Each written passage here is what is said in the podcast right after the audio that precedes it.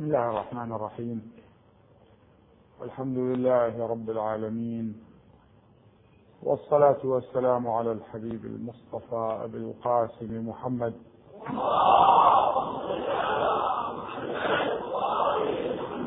صلى الله عليه وعلى آله الطيبين الطاهرين. مات التصبر في انتظارك أيها المحيي الشريعة. كم ذا القعود ودينكم هدمت قواعده الرفيعة. تنعى الفروع أصوله وأصوله تنعى فروعه. فيه تحكم من أباح اليوم حرمته المنيعة. ماذا يهيجك إن صبرت لوقعة الطف الفظيعة أترى تجيء فجيعة بأمض من تلك الفجيعة؟ حيث الحسين على الثرى خيل العدا طحنت ضلوعا قتلته آل أمية ضامن إلى جنب الشريعة ورضيعه بدم الوريد مخضب فاطلب رضيعا بسم الله الرحمن الرحيم. هل ينظرون إلا أن تأتيهم الملائكة أو يأتي ربك أو يأتي ربك أو يأتي بعض آيات ربك؟ يوم يأتي بعض آيات ربك لا ينفع نفسا إيمانها لم تكن آمنت من قبل أو كسبت في إيمانها خيرا. قل انتظروا أنا منتظرون. للقرآن تفسير وتأويل وللقرآن ظاهر وباطن. وهو بحر عميق ظاهره أنيق وباطنه عميق. لا تفنى عجائبه ولا تنقضي غرائبه. الآية الواحدة تتأمل فيها اليوم فتعطيك عطاء اليوم. تعود مرة ثانية عليها غدا صباحا تقرأ نفس الآية وتتأملها تعطيك عطاء جديد. لأن الكلام كلام رب العالمين. والفرق بين القرآن وبين كلامنا كالفرق بين الخالق والمخلوق. ولذلك حتى التفسير للقرآن لا يكفي تفسير واحد. وإنما القرآن حقيقة في كل يوم له تفسير جديد. على أن الجوهر واحد الثوابت واحدة ما تتغير. لكن عطاء يعطيك. ولذلك كلما يتأمل الإنسان في قراءة القرآن الكريم كن عند حالة من الصفاء الذي يمنعني من المعرفة الذنوب والمعاصي وطول الأمل والحرص والطمع. التعلق بالدنيا الانشداد للدنيا هذه كلها أمور تحجب المعرفة عنك. ما تعرف شيء. واحد يعيش المادية بكل أبعادها ولا يفكر إلا بالدينار والدرهم لا يمكن أن يتوصل عقله إلى حقيقة علمية أو إلى قضية مؤنسة لهذا الإنسان. فما بالك بالقضايا الكبرى يا أحبتي؟ ما بالكم بالقضايا الكبرى.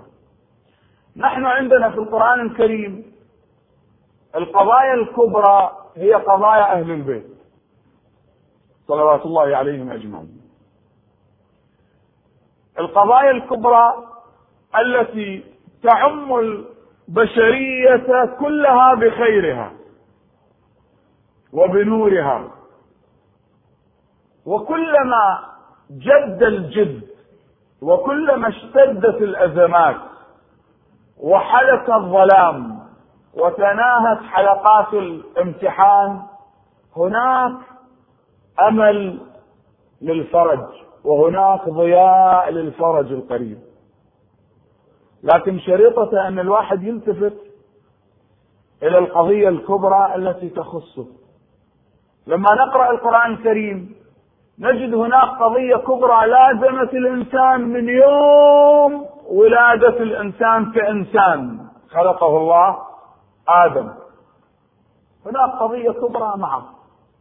وقبل وجود الإنسان هاي القضية الكبرى مطروحة الملائكة ينظرون إليها ويسألون الله يا ربنا وإذ قال ربك للملائكة إني جاعل في الأرض خليفة. شوف القضية الكبرى وين؟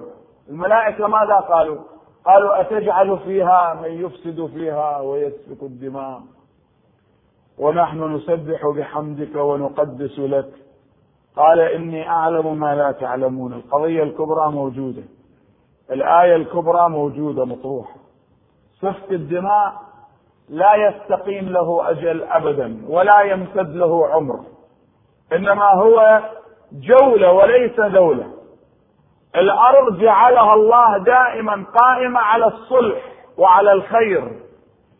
ولقد كتبنا في الزبور من بعد الذكر أن الأرض يرثها عبادي الصالحون. دائما قيادة الأرض بيد الصالحين. دائما الإيمان هو المنتصر. دائما الحق هو المنتصر. الآن القرآن الكريم هنا يأتي. يأخذ بأيدينا أيها الأحبة. لنرى هذه الحقيقة الكبرى. اليوم عندنا حقيقة تبين عظمة الحق وتبين حكمة رب العالمين وتبين الحكمة من خلق هذا الإنسان. لماذا خلقه الله تبارك وتعالى؟ لماذا خلقه؟ هل خلقه ليتعذب ويعيش ذليلا في الحياة؟ الله يقول ولقد كرمنا بني آدم. شفت هذه القضية هي قضية الإمام المهدي عجل الله تعالى فرجه الشريف.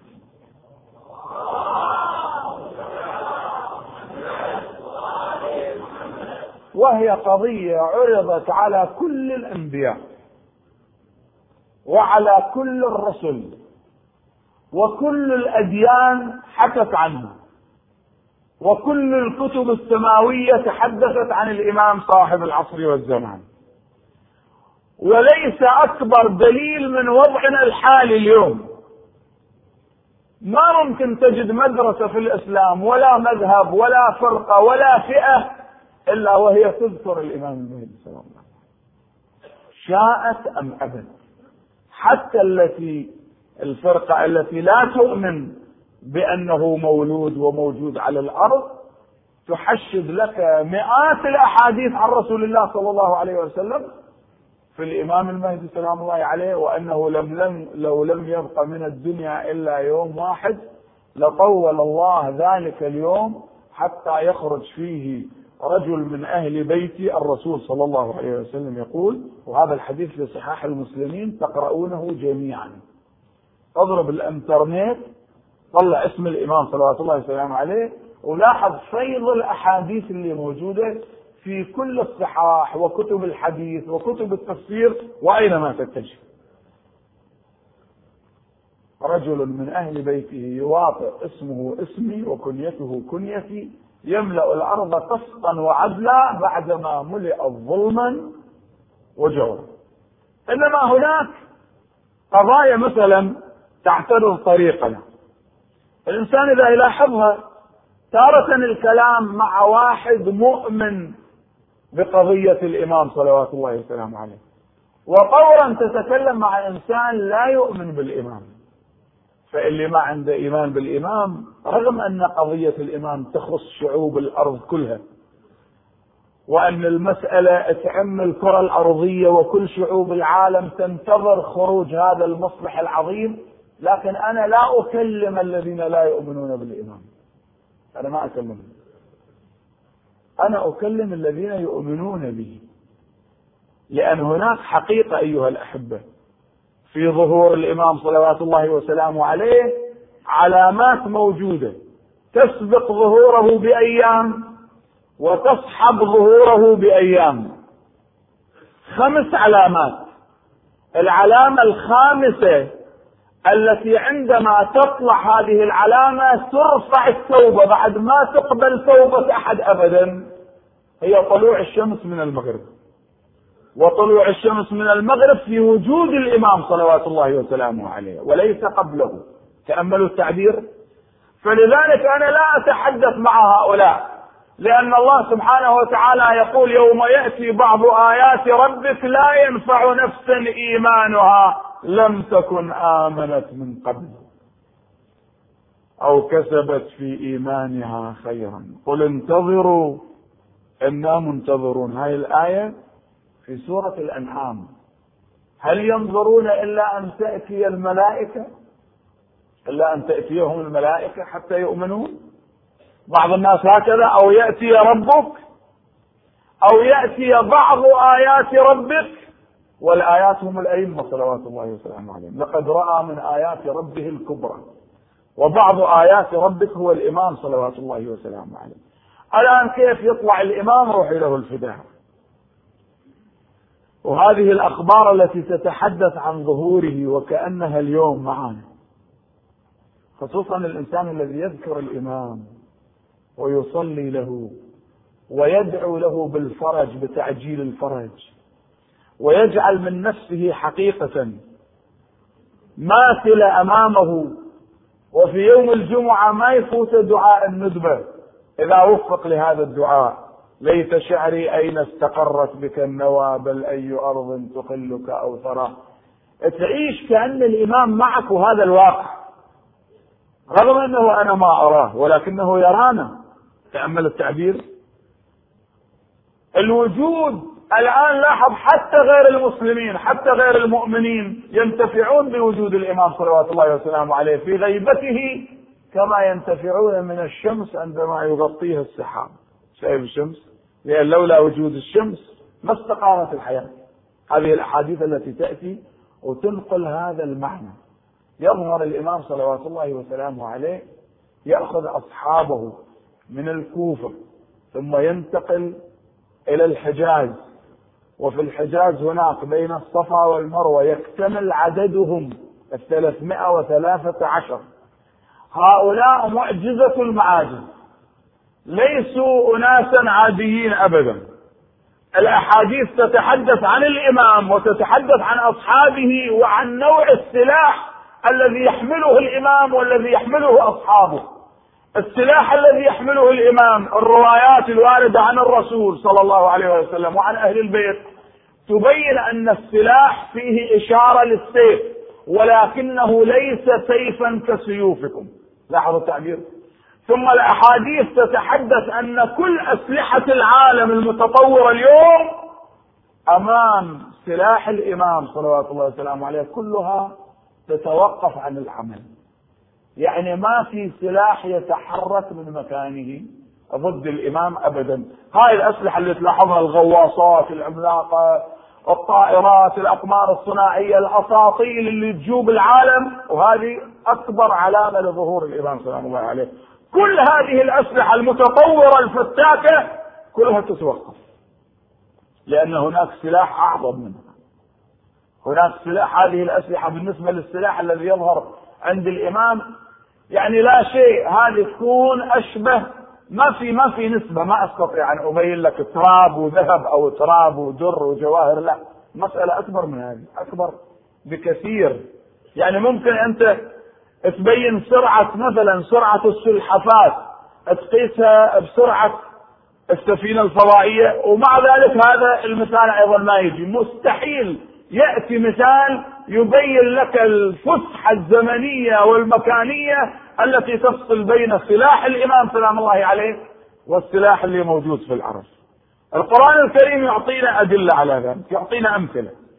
دائما الله تبارك وتعالى يجعل الأنبياء يفاجئون الأمم بشيء لم يتصوره الناس لم يتصوره الناس ابدا نوح سلام الله عليه فاجئ العالم بطوفان أغرق المعمورة كلها. من كان يتصور هذا الشيء؟ يصنع السفينة في بعض الأخبار لمئتي سنة. هو يصنع السفينة. سفينة مدينة يعني مدينة كبيرة. لأن جبرائيل يعاونه والمسامير والأوتاد جبرائيل يأتي بها. ويصنع الفلك بأعيننا ووحينا. يعني برعاية الله وجبرائيل معه وهو يشتغل مئتي سنة. حتى صنع السفينة كل ما يمر عليه ملأ من الناس سخروا منه يضحكون من عنده. هي هذه سفينة يعني سفينة مدينة كبرى سفينة لمن؟ أين الماء؟ وين تضع هذه السفينة؟ وكيف تمشي هذه السفينة؟ ويضحكون عليه ويسخرون منه. لكن فاجأهم بالطوفان. وأطلق صرخة من أعلى السفينة لا عاصم اليوم من أمر الله إلا من رحم. تأمل التعبير؟ وإذا البشرية ذهلت ما حد مفكر بهذا السلاح أبدا. أو أنه يطلع إبراهيم صلوات الله وسلامه عليه يطلع بسلاح أن النار تكون معه بردا وسلاما. يطلع إبراهيم بسلاح أن ينتصر على جيوش العمالقة في الشام ويسجل انتصار رهيب بالأسلحة التي أخذها إبراهيم وهو أول من نظم الجيوش في العالم. إبراهيم سلام الله عليه. ثم يطلع في الحجاز يبني الكعبة. هذا البناء العظيم. هذه الصخور المحيرة إلى الآن. آلاف الأشخاص ما ممكن يهزوها. كيف كان يرتفع بالهواء؟ على هذه الصخرة اللي هي مقام إبراهيم لاحظيها هذه الصخرة موضع قدم إبراهيم كانت ترفع إبراهيم في الهواء هكذا ويعمل البناء. داود النبي فاجأ جيش الجبارين بأحجار يملكها بيده يحملها بيده. أحجار وإذا يرمي الحجر داود سلام الله عليه كان يرمي الحجر فيقع على رئيس الجبارين على جالوت ويمزقه ويدمره ويدمر جيشه بحجر صغير كل واحد يمكن يستهين به. يقول هذا الحجر يمكن أن يقوم شو اسمه؟ فقتل داود جالوته. وانهزم جالوت. فهمت التعبير. سليمان بن داود فاجأ العالم بشيء لم يتصوره أحد. ملك من الملوك. ها يحمل عرشه. الكرسي مال الحكم. وين يخلي هذا الكرسي؟ ما لازم يخليه في القصر؟ لا. سليمان جعل كرسيه في الهواء على الريح. يجلس على الريح. وكرسي سليمان على الريح. والريح تنطلق فيه يوميا من الصباح إلى المساء غدوها شهر ورواحها شهر. وهو حاكم مطلق وعرشه على الهواء. وأمامه بساط كبير في 350 ألف من رجاله. والطيور جعلها تصف على رأسه حتى حرارة الشمس ما تصل إليه. فإذا طير من الطيور سولت له نفسه وغاب عن مكانه مثل الهدهد تشوف حكم سليمان ما لي لا أرى الهدهد أم كان من الغائبين. فاجئ العالم بهذه السلطة. أبدا ما مسبوق في تاريخ البشرية أن واحد يجعل عرشه والكرسي ماله والسلطة والحكومة مالته على الهواء. هكذا والجيش معه. بعد ذلك حتى إذا أتوا على وادي النمل قالت نملة نملة تتحدث في الوادي. سليمان في الجو في الأفق يسمع صوتها ويطلبها من العمالقة اللي معه وجنوده يقول أحضروها. في نفس اللحظة أحضروها. الذين أحضروا عرش ملقيس من سبع قبل أن يرتد الطرف. يريد عرش ملقيس يقول أيكم يأتيني بعرشها قبل أن ياتوني مسلمين؟ قال عفريت من الجن أنا آتيك به قبل أن تقوم من مقامك. تأملوا يا أخوة والله هذه دروس وعبر لأنه واحد يفكر كيف الإمام يظهر الآن وهذه الأسلحة موجودة ومستر جون شايل راسه على العالم وكذا شلون يطلع الإمام ويحارب؟ لا انتبه للقرآن. الإمام الحجة سلام الله عليه هو القرآن الناطق الإمام صلوات الله وسلامه عليه عندما يصفه الإمام الرضا يقول تاهت العقول وذهلت. أن تتعرف حقيقة الإمام تتعرف على حقيقة الإمام. الإمام شيء كبير أكبر مما تحيط في عقولنا. لكن أنت أخذ هذه المظاهر اللي أمامك. فإذا ظهر الإمام الآن لاحظوا القرآن كيف يعطيك. قالت نملة يا أيها النمل ادخلوا مساكنكم لا يحطمنكم سليمان وجنوده وهم لا يشعرون. فتبسم ضاحكا من قولها وأحضرها وكلمها. هذه السلطة العجيبة عند سليمان. ها؟ عند موسى سلام الله عليه. فاجأ فرعون. فرعون الذي يقول أنا ربكم الأعلى. والجيش والسجون والشرطة والوزراء والدنيا مقلوبة على فرعون وما في أحد تسول له نفسه أن يخالف أوامر فرعون. وإذا يطلع عليه موسى ومنين يطلع؟ من قصره. ولادة موسى في الأخبار ولد موسى على فراش فرعون. انتبهت شلون؟ يعني تكونت نطفته. ولادته في بيته. بعدين نقل إلى فراش فرعون نفس اليوم لأنه كان يريد أن يعود إلى أمه لا إله إلا الله ويرجع وإجت أخته هاي الطيبة كلثم. قالت هل أدلكم على؟ وهم لا يدرون ما يعرفون هذا. ممكن يفاجئهم هذا الطفل حقيقة هذا الطفل الصبي الصغير اللي جعلته أمه في صندوق خشب وألقته في البحر ورب العالمين يكلمها يحكي معاها يقولها وإذا إذا خفتي عليه فألقيه في اليم. يعني تصور المسألة وين؟ أنه واحد يجي إلى أم ماسكة طفلها وتبكي خائفة يقول إذا كنت خائفة على الولد هذا ألقيه في البحر. وربط الله على قلبها لأن القضية معجزة مفاجأة للعالم. وإذا هذا الإنسان العظيم الذي اسمه موسى وهو كليم الله على نبينا وعليه أفضل الصلاة وأزكى السلام تلاحظ يفاجئ فرعون بقوة ما يصورها فرعون ولا يفكر فيها هذا الآن يرعى الغنم وداخل على فرعون وعليه مدارع الصوف وأخوه هارون معه كما يقول أمير المؤمنين في نهج البلاغة وبيده عصا يهش بها على غنمه. وما تلك بيمينك يا موسى؟ قال هي عصاي أتوكأ عليها وأهش بها على غنمي ولي فيها معارب أخرى. وإذا هذه العصا في لحظة واحدة تتحول إلى قوة رهيبة بحيث تفزع الفراعنة وفرعون وكل أرباب الدولة اللي معاه. تفتح فمها ثعبان عظيم حية كبيرة.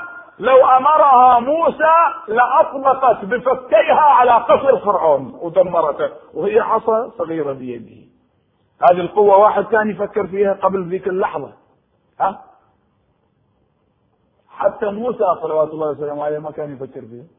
لأنه لما رآها قبل أن يجي إلى فرعون في كربلاء. رب العالمين حاكاه في كربلاء كلمه. وما تلك بيمينك يا موسى؟ بعدين قال ألقها فلما رآها تهتز كأنها جان ولا مدبرا يعني ركض عنها. يا موسى خذها ولا تخف سنعيدها سيرتها الأولى. هذه الطاقة. الآيات. بعد ذلك فاجأ فرعون بأنه يضربه ليس بالسيف وليس بالعصا وليس بالحجر. وليس بصاعقة الآن من يصدق هذا؟ واحد يأتي إلى فرعون يقول له هذا البطل العظيم سيضربك بالبحر. يقول كيف؟ كيف يضربني في البحر؟ يقول صدق هذا البحر سيكون منقادا لموسى وموسى يضربك بالبحر. بدل العصا راح يضربك بالبحر. تأملوا تأملوا التعبير. يحتاج وقت حتى تستوعب هذه الكلمة. وبالفعل ضربه بالبحر. الآن لاحظ. بعد موسى يأتي عيسى سلام الله عليه. ويحيى بن زكريا وهذه كلها أمثلة وشواهد. وإذا يجد الناس الملوك يحترمون الأطباء لأن الطب ضرب رقم قياسي في زمانه. هذه معروفة.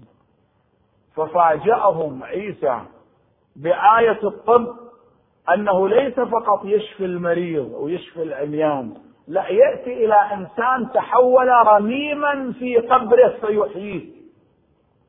يحيي الموتى واحد رايح صار له مئات السنين في قبره.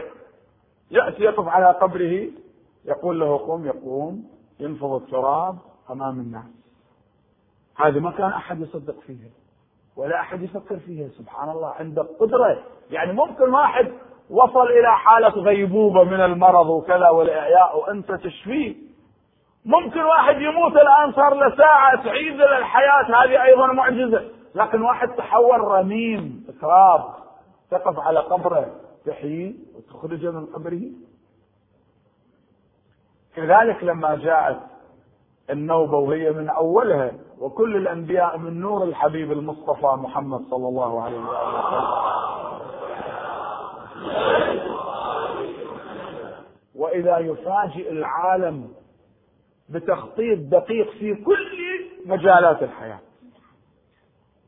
يعني ممكن واحد في الخطابة بارع لكنه في الجهاد والقتال ما عنده ذيك البراعة. واحد في القتال والجهاد والنضال والكفاح بارع لكنه مثلا في التخطيط الإداري ما عنده براعة. واحد تراه بارعا في التخطيط الإداري لكن ما عنده ذيك البراعة في التخطيط العسكري. بالتخطيط العسكري بارع لكن ما عنده براعة وخشوع في العبادة. في العبادة بارع لكن ما عنده إدارة لأسرته ونسائه وأولاده. أما تأتي وتجد هذه كلها مجتمعة في رسول الله صلى الله عليه وسلم. هذه معجزة المعاجز. إذا دخل الحرب الأرض تهتز من تحت أقدامه. هو المنتصر أبدا. حتى يوم أحد لما وقعت الهزيمة سببها أصحاب رسول الله سببها الرماة الخمسون. لأنه قال لهم لا تتركوا معاقلكم وأماكنكم. لأن المشركين موجودين أبو سفيان وخالد بن الوليد معهم يوم أحد. وهؤلاء إذا نظروا إلى هذا إلى ظهر الجبل فارغ ما في أحد يأتون إلينا من ظهورنا. هذول يقاتلون من وراء ظهورنا ما عندهم قدرة على المواجهة. فقال لهم رسول الله لا تتركوا أماكنكم إن رأيتمونا هزمنا أو انتصرنا خذوا أماكنكم لا تتركوها. وبالفعل انتصروا فقالوا لا حاجة لنا بالبقاء. قال لهم ذلك الرجل الصحابي ويحكم لا تكسروا قول رسول الله لا تخالفوا النبي. قالوا لا لا حاجة لنا بذلك فنزلوا ليهتبلوا الغنائم. فأبو سفيان وخالد بن الوليد واقفين هناك جماعة معهم. قالوا هذا محلنا الآن. نطلع عليهم من ظهر الجبل ونجيهم من خلفهم من وراءهم وبالفعل جاءوا إليهم من ورائهم فأوقعوا فيهم تلك المحنة وليس الهزيمة لأنه ما أخذوا منهم أسير أسير واحد ما حصلوا عليه أبدا. إنما رسول الله صلى الله عليه وسلم جمع أصحابه وجمع هذا الجيش اللي هو مجموعة من الهلكة والجرحى وحفظهم وأوقد النيران فخاف أبو سفيان والمشركون معه. وسبب هذه المحنة هي مخالفة النبي صلى الله عليه وسلم. منتصر في كل حياته. إذا وقف للصلاة تراه يغرق بدموعه وبالخشوع اللي أمامه. إذا تنظر إلى حياته صلوات الله وسلامه عليه ناجح في كل شيء أفصح من نطق بالضاد. في يوم حنين أكثر من ثلاثين ألف هزموا وأكثر من خمسين ألف من المشركين هاجموا النبي. وهو واقف بينهم. أنا النبي لا كذب أنا ابن عبد المطلب. ويقاتل قتال الأبطال. بعد هذا وذاك جاءهم بمعجزة. الأنبياء معجزاتهم تموت معهم وترتفع بارتفاعهم. ولكن رسول الله صلى الله عليه وآله وسلم معجزته, معجزته باقية وخالدة. ومعجزته ليس القرآن فقط لا معجزة الرسول القرآن وأهل بيته. معجزته في حديث الثقلين لما يقول إني تارك فيكم الثقلين كتاب الله وعترتي أهل بيتي. هذه معجزة إلى اليوم. وإذا العالم كله ينتظر ظهور هذا المصلح الطاهر العظيم وهو ابن فاطمة وهو ابن رسول الله. الإمام المنتظر عجل الله تعالى فرجه الشريف. فإذا ظهر بأبي هو وأمي ما دامت الأنبياء تفاجئ الأمم بهذا الشكل الإمام عنده نقطتان أساسيتان. المفاجأة والسرعة. فيأخذ 313 واحد من أصحابه. يكتمل عددهم بين الكوفة والصفا والمروة هناك. وهؤلاء المفتقدون ليلا. يعني هم نايمين بالليل يجتمعون كما يجتمع قزح الخريف السحاب. وهذه في إشارة أن الإمام سلام الله عليه يستخدم السحاب أيضا. العالم كله ينظر إلى طاقة وقوة رهيبة لا قبل له بها أبدا. الإمام سلام الله عليه يأمر الصحراء مثلا هناك جيش يتجه إلى الإمام لقتاله. وهذا الجيش جيش السفياني هناك السفياني والدجال. الدجال موجود. الدجال موجود من قبل أيام رسول الله إلى اليوم من الأحياء الدجال. هذا دليل على طول عمر الإمام سلام الله عليه. والذي يقتل الدجال يقتله عيسى بن مريم عندما ينزل مع الإمام صلوات الله وسلامه عليه. فيقتله. الدجال موجود. لاحظ. بالنسبة للأنبياء عندك عيسى وإلياس وإدريس والخضر كل المذاهب الإسلامية تعتقد بأن الخضر من الأحياء وأن إلياس من الأحياء وأن إدريس من الأحياء وأن عيسى من الأحياء اثنان في السماء واثنان في الأرض. وبعدين ينزل عيسى سلام الله عليه أو يصلي خلف الإمام سلام الله عليه كما هو في صحيح البخاري. وإذا الإمام يلتفت إلى الصحراء وهذا الجيش العرمرم يمكن مليون أكثر. مدجج بالسلاح. الإمام يصيح بالصحراء. يا صحراء انخسفي بهذا الجيش. فتنخسف الأرض. يا أرض انخسفي. ابلعي. ابتلعي هذا الجيش. فتنخسف الأرض بأمر الإمام. كل الجيش يسقط هناك. ما يبقى منه سوى اثنين أو واحد. ها؟ قد أدار الله وجهه إلى قفاه. يعني وجهه صاير على ظهره. والعالم كله يشاهد هذا المنظر ويبين لهم الحقيقة. طيب هذه هذه واحدة مثلا. هذه واحدة. الإمام يأمر السحاب تمر عليه سحابة يأمرها بتدمير جيش عرمرم كبير. فتبدأ هذه السحابة بإرسال صواعق محرقة على ذلك الجيش فلا يبقى منه أحد. الدنيا كلها تلاحظ هذا المنظر وتشوف اذا الأرض بيده هاي الصحراء أمرها انخسفت. هذه السحابة أمرها سحابة. اضربي هذا الجيش. فضربت الجيش. إذا عرفوا أن القوة اللي عند الإمام ها لا قبل لأحد بها. أبدا. بعدين عنده سلاح ومع السلاح سيف جده علي بن أبي طالب. سيف ذي الفقام. وهذا السيف أيضا من الأسرار العجيبة. وسيوف أصحاب الإمام أن الواحد منهم يوجه سيفه إلى جبل فيقطه ويقد الجبل ذلك يدمر بعد هذا وذاك عيسى نازل عليه ويطلع من الحجاز طبعا في الحجاز بين الركن والمقام يقف يخطب العالم كله يسمع خطابه. كل العالم يسمع خطابه. جبرائيل يهبط ينادي الصيحة يسمعها العالم. ألا يا أهل العالم لقد ظهر مهدي آل محمد فأطيعوه وبايعوا له وأطيعوه. العالم كله يتجه هكذا. في كل كرة الأرض. ثم يزحف الإمام يتحرك من الحجاز إلى بلاد الشام. إلى الأردن وفلسطين وسوريا ولبنان. وبيت المقدس هناك يصلي. وينزل عيسى ثم يعرج من هناك إلى العراق. يطلع إلى العراق بأبي وأمه إلى الكوفة وكربلاء. مسجده يقام في الكوفة. وهذه الأخبار هكذا. مسجده يقام في الكوفة. وهذا المسجد في بعض الأخبار له أكثر من ألف باب. وتأملوا إذا بين كل باب عشرة أمتار يعني عشرة آلاف متر يكون مربع هذا. ولعله أكثر. أكثر من عشرة آلاف متر مربع لأن الفرق بين المساحة عشرة آلاف متر هذا شيء رهيب يطلع إذا تضربون مقياسه كبير. لأنه إذا سبعين متر هكذا ومية وستين نزول يطلع أكثر من عشرة آلاف متر مربع. فكيف الأبواب؟ باب عن باب عشر أمتار وألف باب للمسجد. يعني المساحة فقط سور المسجد وجدار المسجد عشرة آلاف متر. طولها.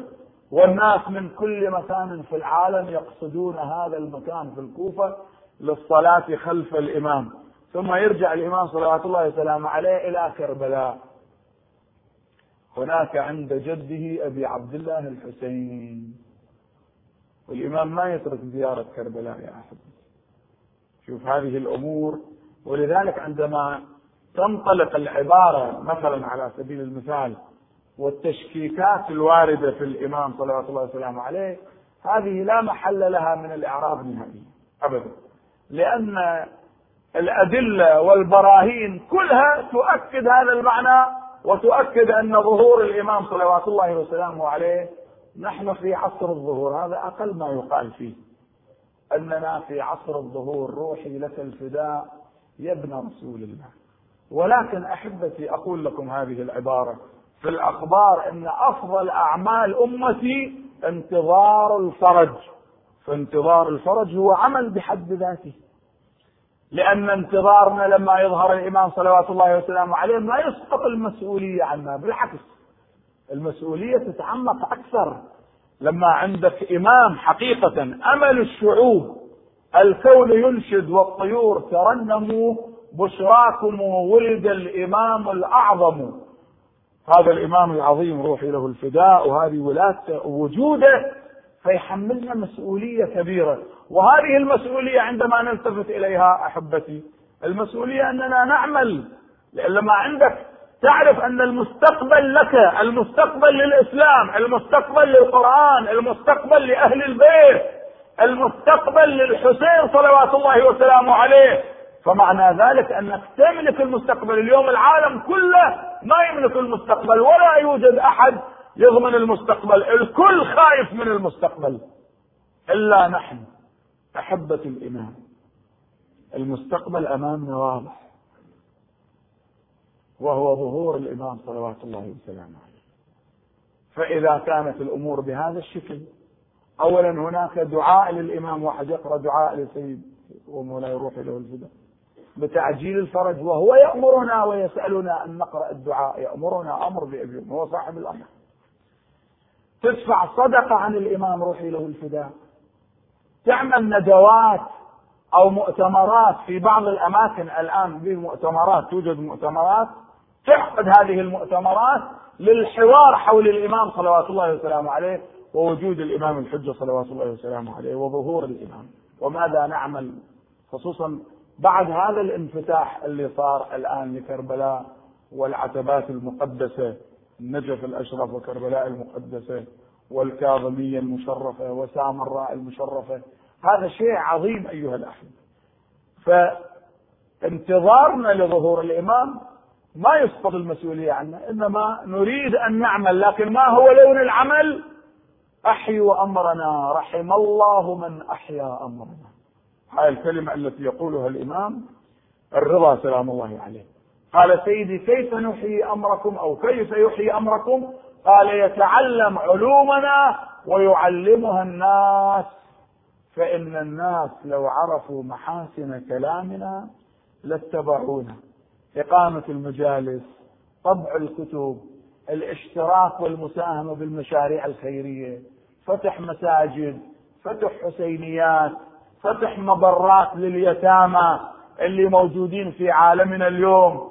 تشجيع المؤسسات الخيرية. يعني واحد يصنع يحاول أن يكون عنده عقل مؤسساتي لأهل البيت صلوات الله وسلامه عليهم أجمعين وللإمام صاحب العصر والزمان. فإذا ذهب إلى كربلاء هناك الإمام دائما في كربلاء موجود. ما يخلو حرم الإمام الحسين من الإمام صاحب العصر والزمان ابدا. دائما الإمام موجود ولذلك حتى يوم عرفة هاي ملاحظة التفتوا إليها. الله تبارك وتعالى ينظر إلى زوار الحسين نظر رب العالمين للجميع لكنه يبدأ بكربلاء بزوار الحسين ثم ينظر إلى أهل الموقف. والموقف في عرفة يبدأ عند زوال الشمس يعني عند الظهر. عند الزوال. لماذا؟ في الصباح ما يبدأ الموقف. في حين في المزدلفة الموقف يبدأ الفجر لكنه في عرفة الموقف يبدأ عند الزوال لأن صباح يوم عرفة الإمام صاحب الأمر بكربلاء والموقف ما يبدأ إلا بوجود الإمام ما ينعقد إلا بوجوده. فتلاحظ ينطلق من جده الحسين إلى عرفات هناك. فالإنسان حقيقة بتوجهه إلى هذا الإمام العظيم وتوسله وينظر وجود الإمام روحي له الفداء إذا وقف على قبر أبي عبد الله الحسين يقول يمد يده فيستخرج عبد الله الرضيع والسهم نابت في نحر. يقول يا أهل العالم بأي ذنب يقتل هذا الرضيع؟ ويأتيه النداء إلى الآن يا ولدي من الحسين صلوات الله وسلامه عليك يا أبا عبد الله وهذه الزيارة اللي هي ليست زيارة واحدة زيارة الناحية المقدسة. الإمام صاحب الأمر يزور جده الحسين وأصحاب الإمام الحسين وخصوصا عندما يصف مصرع الحسين في تلك اللحظات. يا جد فهويت إلى الأرض جريحا. تطأك الخيول بحوافرها وتعلوك الطغاة ببواترها. قد رشح للموت جبينك واختلفت بالانقباض والانبساط شمالك ويمينك. يا جد تدير طرفا خفيا إلى رحلك وبنيك وقد شغلت بنفسك عن ولدك وأهالي بعد سيدي يقول فأسرع فرسك شاردا محمحما باكيا وبالظليمة داغيا فلما رأت النساء جوادك مخزيا ونظرنا استرجع عليه ملويا خرجنا من الخدور على الخدود لاطمات وبالعويل داعيات وإلى مصرعك مبادرات خويا من عادة اليوقع بالاكوان ويصير لن الشاب نيشان تجيه أخوته وتنثر الجيمان. على سبقين تكرع بالعناية يعني يسجوه ما ينشان عطشان.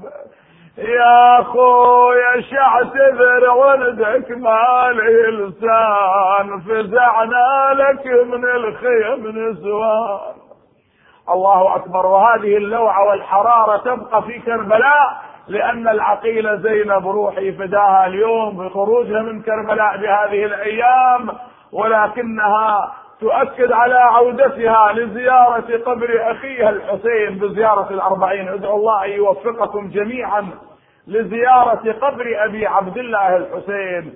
يقول جابر بن عبد الله الأنصاري وعطية العوفي مع هكذا بعض الأخوة طلب مني أني أذكر هذه المصيبة.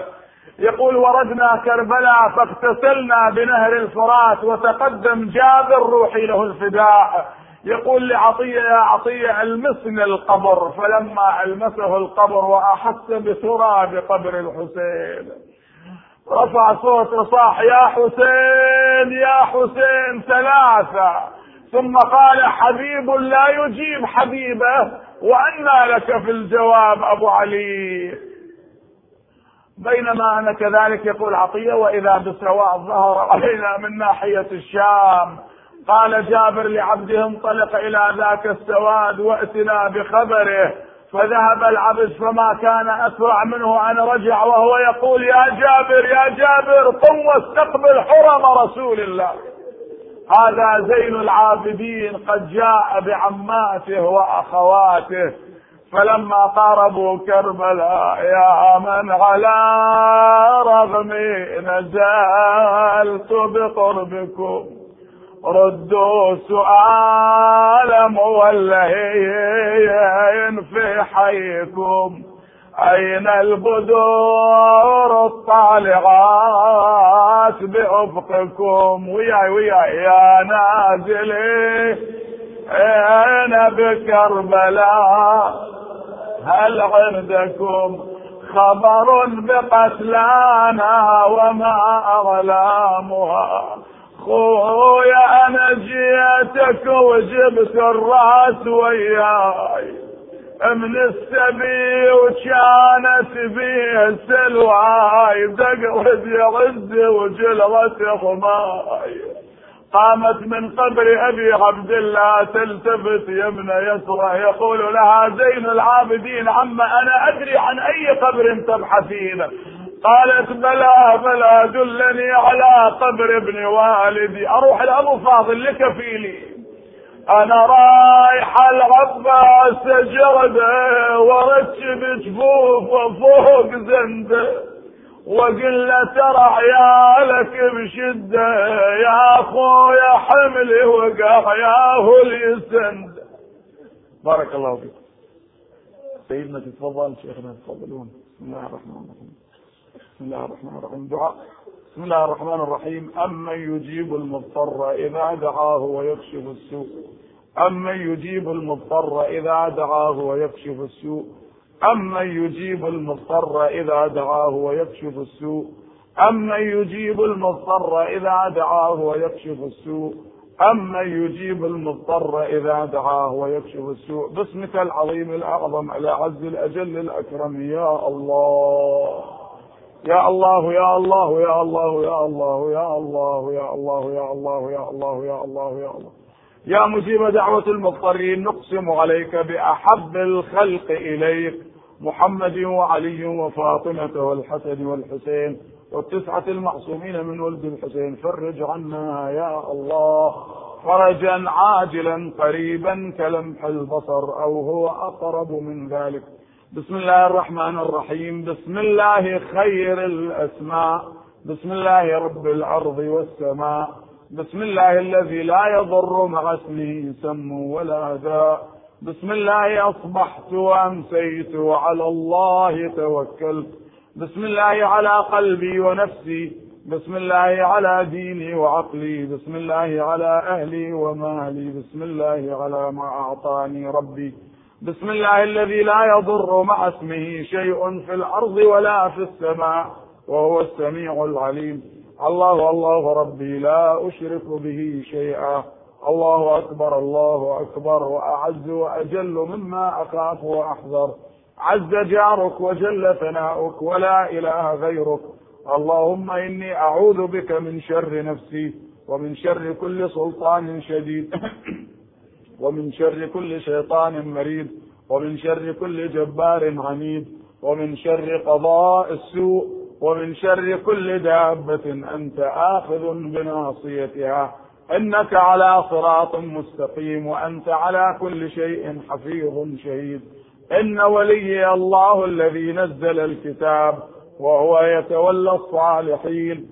فإن تولوا فقل حسبي الله لا إله إلا هو عليه توكلت وهو رب العرش العظيم والحمد لله رب العالمين. بسم الله الرحمن الرحيم. بسم الله وبالله ومن الله وإلى الله وفي سبيل الله وعلى ملة رسول الله صلى الله عليه وآله وسلم. اللهم إليك أسلمت نفسي وإليك وجهت وجهي. وإليك ألجأت ظهري وإليك أسندت ظهري وإليك فوضت أمري. فاحفظني بحفظ الإيمان. فاحفظني بحفظ الإيمان من بين يدي ومن خلفي وعن يميني وعن شمالي ومن فوقي ومن تحتي. وادفع عني بحولك وقوتك فإنه لا حول ولا قوة إلا بالله العلي العظيم. وصلى الله على محمد وآله الطيبين الطاهرين. بسم الله الرحمن الرحيم. اللهم كل وليك الحجة بن الحسن. صلواتك عليه وعلى آبائه في هذه الساعة وفي كل ساعة وليا وحافظا وقائدا وناصرا ودليلا وعينا حتى تسكنه أرضك طوعا وتمتعه فيها طويلا. برحمتك يا أرحم الراحمين. وصلى الله على محمد وآله الطيبين الطاهرين وإلى أموات الجميع. رحم الله من قرأ الفاتحة مع الصلوات.